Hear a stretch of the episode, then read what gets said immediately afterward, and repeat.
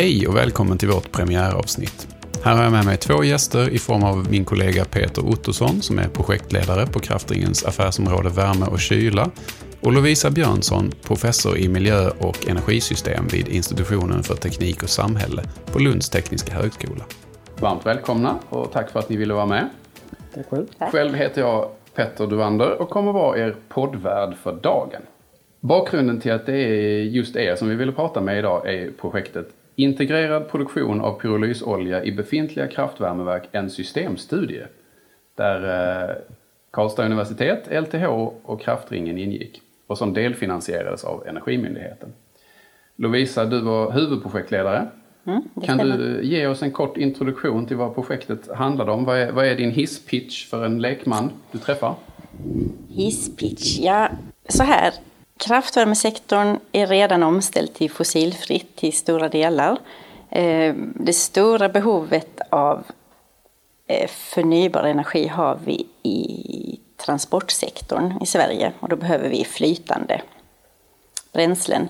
Men vår eh, råvara, den vi har, den stora bioenergipotentialen i Sverige ligger i skogsbränslen. Eh, ett företag som Kraftringen har redan rutin på att hantera skogsbränslen för att göra el och värme. Eh, och det vi ville titta på var förutsättningarna för att även producera en bioolja från skogsbränslen integrerat med el och värmeproduktion. Tack för det.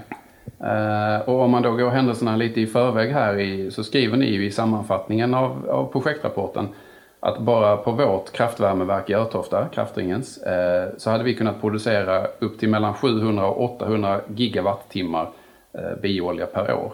Mm. Eh, Peter, jag tänkte att du kanske kan, kan du hjälpa oss att sätta det i proportion till någonting greppbart? Vad, vad innebär 700 till 800 gigawattimmar bioolja? Ja du, det är 70 eller 80 000 kubikmeter bioolja.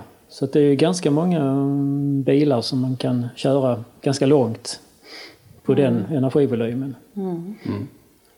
Vi har ju en egen förbrukning också av bioolja och det är ju 6000 kubikmeter om året. Så att eh, den här stora anläggningen hade kunnat producera väldigt mycket bioolja. Tio gånger den ja. mängden ungefär. Man kan också jämföra det med den mängd ehm, biodrivmedel som vi producerar i Sverige idag som är ungefär 2000 gigawattimmar. Så enbart kraftringen skulle kunna bidra med ja, nästan 50 procent eh, höjning av den. Till, ja, från ja. En, ett enda kraftvärmebolag. Mm. Det är ju inte så dumt. Nej. Eh, och rapporten skriver också om eh, den totala potentialen för pyrolysolja från, från alla då kraftvärmeverk i Sverige och att det skulle kunna motsvara en fördubbling av mängden tillgängligt biobränsle i landet jämfört med 2019 siffror tror jag. Mm. Eh, vad säger ni skulle det vara det främsta användningsområdet för biooljan? Ja, jag tror att det är tunga, tunga lastbilstransporter. Um, långfärdsbussar, alltså regionbussar och uh, lastbilar alltså, som går på långa korta sträckor så tror jag nog att det kan bli el på även de här små Alltså inom stadsbussarna, som bussar som kör och inom transport av eh, varor och sånt inom stad och mellan städer. Typ de här små 3,5 tons lastbilar. De är inte mm. små, men i alla fall. Mm. Ja, men det blir, ett, eh, blir det en eh, komplement alltså till HVO, diesel och sånt som finns idag, tänker vi? Ja, men alltså pyrolysoljan är ju en bas, alltså en råvara till HVO-tillverkningen. Mm. Du tar den här pyrolysoljan och transporterar den till ett raffinaderi och sen tar ut de delar som man vill ha och sen tillsätter vätgas och då får man en HVO-kvalitet som man kan använda. Mm. Jag måste ställa frågan bara. När ni började med det här projektet, eller vi kan börja med det. Hur, hur, hur startade det här projektet från början? Visa vad det är. Var kom idén ifrån? Jag får titta på Lovisa där faktiskt. Nej men det är väl så att eh, vi stöter på varandra i våra nätverk. Vi stöter på den här kompetensen som fanns i Karlstad. Och den som vi då har på LTH och den som ni har på Kraftringen. Så sydde vi ihop det här. Mm. Mm. Det, och det är, en, det, det, är en fråga, det rör sig mycket inom detta området också i forskningen och i, i tillämpningen också mm. i Sverige. Så att det det låg i tiden. Det var en boll som vi plockade ner och som vi då fick stöd för av Energimyndigheten. Just det. Mm. Uh, och på tal om det då, finns det, finns det exempel på någon som redan har implementerat det här? Som, alltså finns det en tillverkning på det här eh, med den här metoden? I Finland finns det, eh, just med den här kopplingen till en kraftvärmeanläggning. Mm. Eh, det finns också planerade projekt i Sverige som kanske du vet mer om Peter. Men det är ju det här alltså vid ett sågverk. Mm. Att göra pyrolysolja från sågspån. Just det, ha nära till bränslet så att mm. säga. Mm. Mm. Men det är väl heter de, Sätra mm. uppe i Gävle. Men det är ju, där bygger man ju en, en, bygger en ny anläggning mm. Som är anpassad för att göra pyrolysolja och värme, och ånga och el också. Mm. Okay. Grejen här var att vi tittar på befintliga anläggningar. Ja, och, och, det var det som var lite grann det nya med vårat projekt. Okay. Att, att, vi ville titta på integreringen i en befintlig anläggning och då blir det väldigt viktigt att man inte äventyrar det primära syftet med den befintliga kraftvärmeanläggningen som är att leverera kraftvärme med lågt klimatavtryck. Mm. Så det hade vi fokus på. Man måste säkerställa klimatprestandan för biooljan men man får inte äventyra klimatprestandan för kraftvärmen. Om vi går in i lite mer detalj då på hur, eh, hur fungerar pyrolysprocessen och vad är det som gör att den är så lämplig att införa eh, hos oss eller på, på kraftvärmeverk generellt? Eller ska vi börja till och med Peter med att förklara vad är ett kraftvärmeverk? Det är ju en anläggning som producerar el och värme samtidigt. Man kan ju välja att producera värmen i en värmepanna. Och man kan också välja att producera, att göra ånga i en värmepanna och sen på den ångan producerar man el. Men efter man har gjort elen så har man ju fortfarande två tredjedelar av energin kvar. Och då kan man ju kyla bort den och för att fortsätta producera el men man kan också ta tillvara den här värmen som finns efter elproduktionen. Och då kallar man den en kraftvärmeanläggning. Och då nyttjar man ju bränslet till 95 procent nästan på. Och sen kan man sätta liksom rökgaskondensering och så, så kan man få nästan 100 procents nyttjande av bränslet. Mm. Istället för att om man gör en värmeanläggning så nyttjar man 95 procent av bränslet för att göra värme och sen kanske man har en elproduktion och nyttjar man kanske bara 35 eller 40 procent av bränslet för att göra el. Men sen kyler man bort resten. Det är det man kallar kondenskraft. Kärnkraften är ju kondens. Så att där går ju bara, det är bara en tredjedel av uranet som används resten till el. Resten kyls ju bort i havet. Mm. Så att då har vi en sådan i Örtofta då. Inte en, eh, ett kärnkraftverk utan en bio, ett kraftvärmeverk, biobränsleeldat då. Just det. Och med en redan väldigt hög verkningsgrad låter det som. Eh, ja. Vad kommer då hända? Som, om vi går tillbaka till det. Hur fungerar pyrolysprocessen och hur kommer, vad kommer, hur kommer den att påverka kraftvärmeverket? Med denna pyrolysen så är det ju, är ju tanken då att man eh, ska ta ut den varma sanden i pannan när den har innan vi eld, det är lite knepigt här för vi eldar i sand. Just det. Med cirkulerande sand i pannan där vi tillför eh, sanden och snurrar runt och man tillför bränslet och så brinner bränslet inuti den här sanden som virvlar runt. Och sen när sanden eh, har virvlat runt och avgett värmen till överhettar och varma gaserna har gått vidare så leds ju sanden tillbaks ner i pannan igen. Och då är ju tanken att eh, innan den här sanden leds in till pannan så leder man den till en pyrolysreaktor. För då är sanden är 700 grader eh, varm så att den är tillräckligt varm för att liksom förgasa bränslet som man för in i pyrolysreaktorn. Mm. Och då möter ju den här varma sanden bränslet men man tillför ingen luft. Så att det blir ingen eh, förbränning. Utan allting som finns i bränslet i form av kol och väte och, andra ämnen förgasas och blir till en, en gas. Men nu var det ju olja vi skulle få ut sa vi. Ja, det är lite märkligt det här då. Ja. Men uh, den här gasen, uh, precis som vattenånga, så kan man kyla ner den. Och då börjar den kondensera och blir till vätska igen. Så att man uh, kyler ner rök, de här eh, kondensgaserna eller förbränningsgaserna som finns och så får man en, en pyrolysolja som består av de här eh, det vill säga, avgångna olika ämnena inklusive då, och som också till en stor del är vatten. 30 procent tror jag det kommer att vara vatten i den här pyrolysoljan. Mm. Och därav att man måste raffinera den vidare sen då innan? Ja, man behöver plocka ut vattnet och sen har jag förstått att man behöver eh, mecka lite med molekylkedjorna i pyrolysoljan för att få dem att bli bra. Mm. Så att de passar till eh, som fordonsbränsle. Ja. Innan man sätter till vätgasen för man byter ut vissa av atomerna och molekylerna i de här kedjorna och sätter till lite små vätebitar och så får man en, eh, en HVO som är just en vätgasolja eller en vätgasbaserad eller vegetabilisk olja. Det är engelska det här HVO. Så att, mm. Men vad kommer detta att göra då med verkningsgraden på eh, kraftvärmeverket idag och vilken verkningsgrad har pyrolysen i sig? Ja, det är lite beroende på hur stor pyrolysanläggning man bygger. Och man har vi tittat på två storlekar egentligen. En som var en liten som skulle ge då 6000 kubikmeter om året som är vår, vårt eget behov. Husbehov.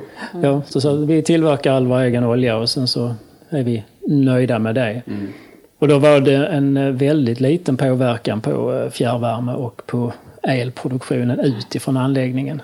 Det rörde sig om, om det var en, låt säga en megawatt tror jag på effekten som eh, behövdes. För att det här bränslet som man kör in behöver ju torkas lite grann också innan man kör in det i reaktorn. Okay. Och sen, mm. sen går det lite el också för att driva pumpar och kvarnar och fläktar och så vidare till det här. Mm. Så det var inte så stor inverkan på det som vi producerar ut. Men däremot den större blir det, då går det ju åt en hel del elenergi och värmeenergi för att driva den också. Så att då blir det en större påverkan på... Ja, jag tror vi fick ut ungefär 80 procent i form av el, värme och pyrolysolja. Ja. Alltså 80 procent av energin i bränslet in. Just det. Vilket är en mycket hög verkningsgrad. Sen har jag, jag har ju också tjuvläst lite i rapporten och jag vet att, att eh, det, blir, det uppstår ju övriga restprodukter också. Du har pratat om gaser och sådär Peter. Mm. Men visst är det så att man kan göra någonting med dem också, eller hur? Ja, i det här projektet, det vi, det vi räknade på här, det var att vi använder, det blir en kox, en fast rest och en gas som består av kolväten. Och de skulle kunna vara värdefulla i sig och plockas mm. ut. Men i det här projektet räknar vi på att de gick in i pannan ju. Mm. De går in som bränsle? Ja, de gick in som bränsle. Vilket är det enklaste. Mm. Men, men, eh, absolut, den där gasen är ju relevant. Den skulle man kunna uppgradera. Den innehåller mycket metan. Den kunde ersätta naturgas till exempel. Mm.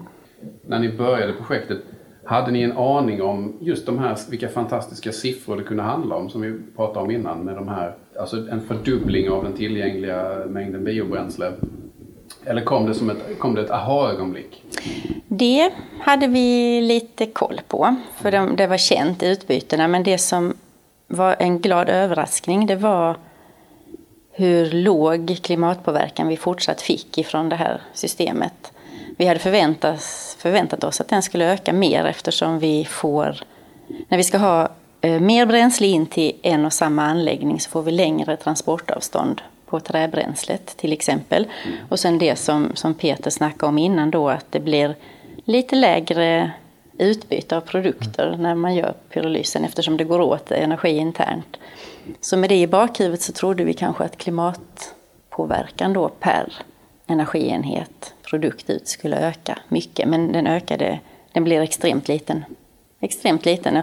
Och transportavståndet blev inte så himla stort heller. Alltså mm. vi har ändå relativt mycket träråvara i södra Sverige. Mm. Eh, så att Eh, ja, alltså kraftringens, alltså den här anläggningen i Örtofta har ju redan idag väldigt, väldigt låga växthusgasemissioner på levererad el och värme. Och de ökar ju de ökar marginellt. Mm. De har 98 procent lägre, tror jag, eh, vi sa, än de fossila referensvärdena. Mm. Alltså eran el och värme härifrån. Mm. Och det ligger kvar på 98 procent. Alltså det, det, det, det, blir en förändring på promillenivå när, okay. när, vi, när vi gör det här. Mm. Så det var en glad överraskning därför att där, där hade vi liksom en lite där hade vi många tankar om att eh, det, här, det här skulle aldrig kunna komma till stånd om inte kraftvärmeleverantörens primära eh, intresse tillgodoses. Alltså det här med mm. att värmen fortfarande har lågt klimatavtryck. Det. Så det var, det var en glad mm. överraskning. Mm. Ja, jag blev överraskad att eh, det gick att köra en pyrolysreaktor även sommartid när vi inte har någon fjärrvärmelast. Mm. Jag trodde inte att det skulle äntligen vara möjligt att få ihop det där. Och det var det ju inte riktigt för det kräver lite kylning. Vi får en del restvärme som vi inte kan ta hand om, så då får vi då kyla bort. Så då blir ju avtrycket eh, lite sämre. Men det är fortsatt en rätt så stor volym som vi kan producera sommartid när vår anläggning egentligen skulle stå stilla eftersom det inte finns behov av den på, eh, på fjärrvärmesidan. Mm. Ja, och det har vi inte riktigt förklarat ordentligt Peter. Ju, det här med, för det var ju två syften till vi hade i projektet. Ja. Det, det, du nämnde nu då att, att, man, att Örtoftaanläggningen står stilla en tredjedel av året ungefär när det inte finns ett värmebehov. Precis. Men om man då har en pyrolysanläggning kan man köra den även sommartid. Och sen det andra syftet vi hade det var ju just det här med att det kanske är ett vikande värmebehov i fjärrvärmenätet. Eller det, det är i alla fall sånt som finns i framtidsscenarier mm. att det kan komma. Eh, då, vill man, då kan man få ett värmeöverskott som man vill göra någonting med. Och då är det positivt om man har en sån här anläggning där det krävs lite värme för att torka mm. bränsle och så. Gärna för vi har ju gjort en investering. Vi har en anläggning som står. Det är ju bättre att nyttja den. Det är ju som med min bil. Den, 5% av tiden rullar den, resten av tiden så står den bara stilla. Det mm. hade väl mått hela ekonomin med bättre om, om den hade rullat mer. Mm. Så det är ju samma med anläggningen. Så då får man ju användning, då kan man ju fördela kapitalkostnaderna mm. på fler produkter. Mm. Det låter lite träigt men det är så. Oh. Trä. Åh, oh, oh. jättekul! Pappaskämt, jag vet. ja, nej men tanken, det, det, är ju, och sen så får man ju inte glömma då att tanken är att, att eh, hur stor mängd den blir av det här, av oljan, så, så är den ju, det är en förnybar produkt och den är ju tänkt att ersätta en, en helt fossil mm. motsvarighet såklart. Mm. Så att eh, även om vi pratade här om, om, även om det var försvinnande liten försämring av eh, miljöprestandan på fjärrvärmen så, så kommer man ju med, med råg och marginal uppväga det med, med det man ersätter med biooljan. Mm. Det är också jättespännande att, att eh, kraftvärmesektorn som redan är omställd då kan bidra till fossilfrihet i en annan sektor. En annan sektor. Mm. Mm. Precis. Jag är lite funderad på hur vi kan som företag skulle kunna tillgodoräkna oss den koldioxidreduktionen mm. när vi eh, minskar fossila bränslen på fordonssidan. Mm. Någonting som vi producerar. Vi är nog inte där lagmässigt, eh, funderingsmässigt än va? Ja, men det, det står det ju något eh, kort om i rapporten också, det här med att det finns två sorters utsläpp kan man väl säga. De som räknas i EUs system för utsläppshandel och de som inte gör det. Mm. Och, och, där hamnar du väl lite grann mellan de mm. två mm. såklart. Eh, ja, men ska vi nämna någonting också? Bränslet som används för framställning av detta det är ju alltså restprodukter av trä från träindustrin i Sverige. Eh, kan, vi, kan ni prata någonting om vad projektet har kommit fram till om, om bara tillgången på råmaterial? Var, var, var finns det? Skiljer det sig på något sätt från det vi använder idag i, i kraftvärmeverken? Det vi, kör, vi kan börja där. Det vi använder idag och eldar är ju en, en blandning av eh, återvunnet trä, det som kallas returträ, som är då drygt hälften av det vi använder kommer från returträ. Sen är det ju då ehm, um, skogsbiprodukter eller eh, det vill säga det är ju eh, sågspån från sågverk. Det är ju bark som vi får från eh, stockar som går till timmer och till pappers, pappersmassaindustrin. Och sen använder vi en, en, en stor del med grot, det vill säga hyggesrester, grenar och toppar från eh, avverkningen när man har sågat träd. Alltså sådana kvistar som är för, för små för att göra pappersmassa av och, och de är för små för att såga till timmer. De eh, tar man och flisar upp och sen kan man elda upp det helt enkelt. Mm. Så det är de bränslefraktioner som, som vi använder idag.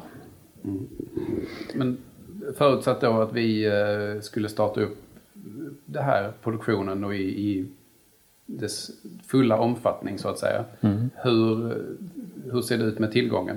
Jag vet att det står i rapporten ja. någonting om eh, mm. antingen olika scenarier beroende på just om man använder grot eller eh, sågspån.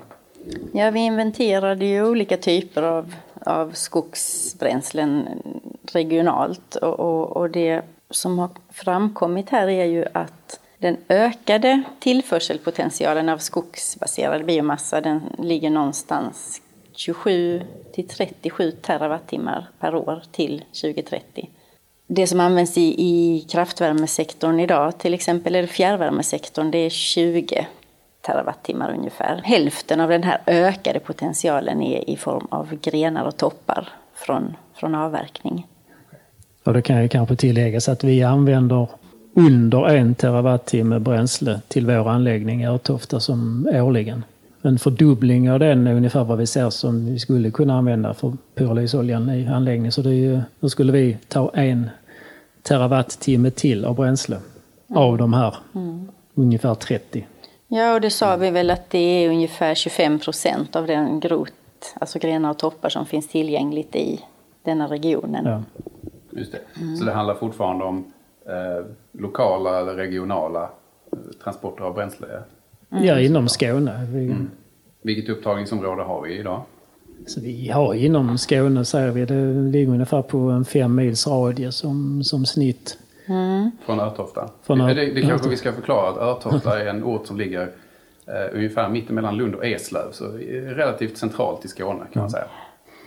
Och jag tror eh, när vi räknade grot hämtning i, i, till pyrolysen så var vi nu uppe i till 22 mil i transportavstånd. Så då hämtar vi det utanför Skåne.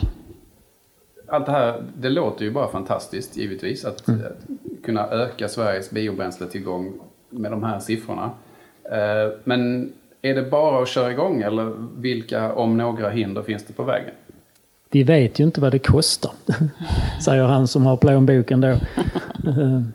Eh, vad kostar en sån här anläggning? Mm. Och vi vet ju vad, vad, vad bränslet kostar idag. Och vi har väl lite prognoser på hur det ser ut eh, framöver. Men vad, vad, har vi för, vad har vi för intäkter på pyrolysoljan? Och vad kostar anläggningen att, att bygga? Och vilken storlek ska den vara? Det får man väl också bestämma. I så fall. Sen är det ju också så att om vi ska bygga en sån här i Örtofta så kommer det kräva ett nytt miljötillstånd. Och vi har inte antingen ett nytt miljötillstånd eller en, en ändringsanmälan. Men jag tror det är ett nytt miljötillstånd. Mm. För vi har ju inte, som sagt, vi har inte tillstånd till denna verksamheten. Det är en helt ny verksamhet. Mm. Så att um, det är ju ett antal år där. Jag skulle säga, det, det vi, jag förstår att vi inte kommer vara igång nästa vecka. Eh, absolut. Och sen så kommer julen emellan. Va? Ja, men, nej men det, vi ser det, det är ju en eh, tio års, eh, åtta, tio år Okay. Om allt går framåt och det blir positiva beslut hela vägen så är det ju en 8-10 år innan vi kan ha en, en anläggning som är färdig och stå och producera mm. pyrolysolja. Mm. 2029, 2030.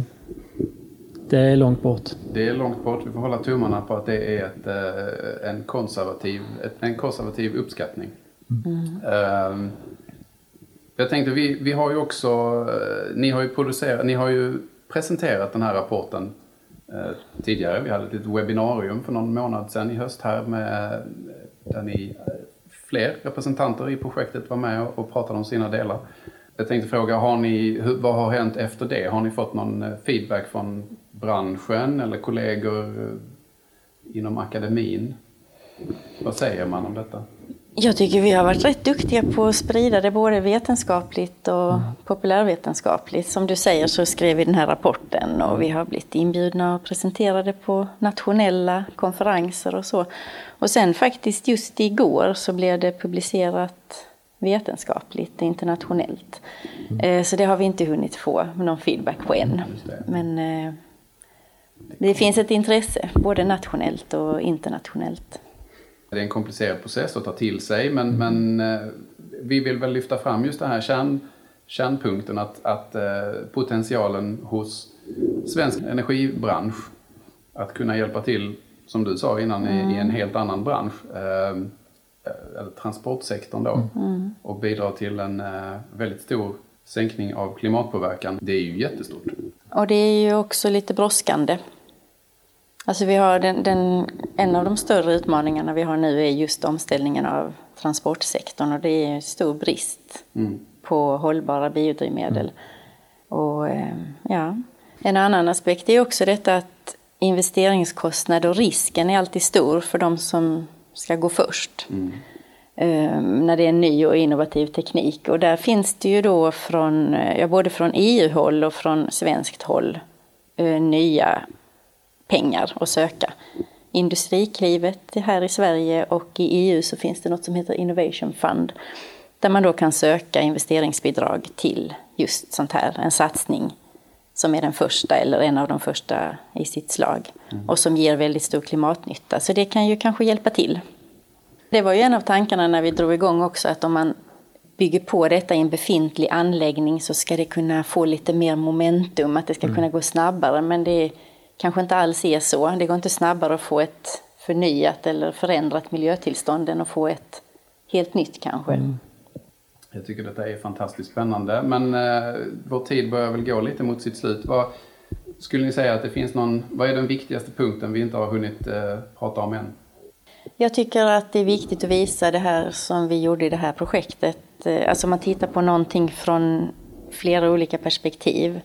Vi har dels den här styrkan med, med att omvandla träbränsle till en flytande förnybart bränsle med hög omvandlingseffektivitet, självklart. Det är jättebra. Eh, men vi måste också titta på branschen. Eh, vad, vad innebär det då för, i det här fallet, det här specifika kraftvärmeverket? Eh, får vi en ny värmesänka, vad kan det spela för roll för det lokala energisystemet? Och det vi snackade om innan då, om att man kan kanske förlänga driftstiden på en befintlig anläggning. Man måste titta på det från alla, från alla håll. Men då säger jag stort tack för att ni ville komma hit, Lovisa och Peter. Och tack till dig som har lyssnat. Om du vill veta mer om detta otroligt spännande projekt så rekommenderar vi att du går in på kraftringen.se pyrolys där du även kan ladda ner den här projektrapporten som vi har eh, nämnt under programmet. Och på den sidan finns också det webbinarium som vi nämnde där ni presenterar eh, projektrapporten i lite mer detalj eh, med hela resten av projektgruppen. Och så hoppas jag att vi hörs igen i nästa sändning. Mm. Hej!